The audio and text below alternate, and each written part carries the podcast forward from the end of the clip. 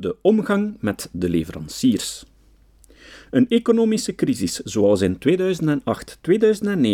is het ogenblik bij uitstek om na te gaan hoe fatsoenlijk bedrijven handelen en of de waarden die men propageert worden omgezet in de praktijk, dan wel dode letter blijven. Als 45-jarige heb ik al wat meegemaakt.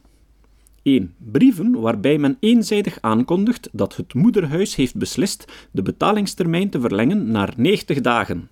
Take it or leave it. InBev kondigde zelfs 120 dagen aan. 2. Kostenbesparingen waarbij men leveranciers verplicht om 5% te realiseren. 3. Het verbreken van contracten met de weigering een verbrekingsvergoeding te betalen, onder dreiging van de markt te verwittigen. 4. Ongebruikelijk complexe contracten opleggen met de mededeling. In tijden van crisis moet men maar niet te kieskeurig zijn. 5. Enzovoort. Het zijn allemaal zaken die niet thuis horen in een eerlijke, transparante en ethische bedrijfsvoering. Wat baten dure slogans, affiches met de waarden en compliance manuals, wanneer deze bij de minste of geringste tegenslag overboord worden gegooid? Ook Enron beschikte over een compliance manual en de directieleden waren de eersten om zich er niet aan te houden.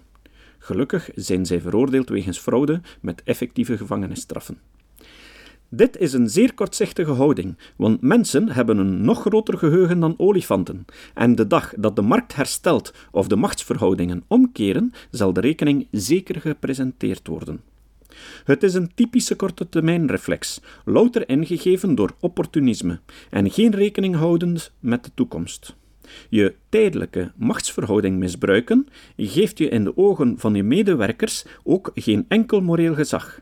Nochtans heeft het morele gezag een enorme impact op de gepercipieerde effectiviteit van leiders. Meindl en Ehrlich, 1987. Immoreel gedrag van de leiders kan leiden tot immoreel gedrag bij de medewerkers, omdat leidinggevenden een belangrijke invloed hebben op het ethisch gedrag van leidinggevenden. Bijvoorbeeld Trevino et al. 2001. Maar ook het bedrijf kan rechtstreeks schade lijden door een smet op het imago.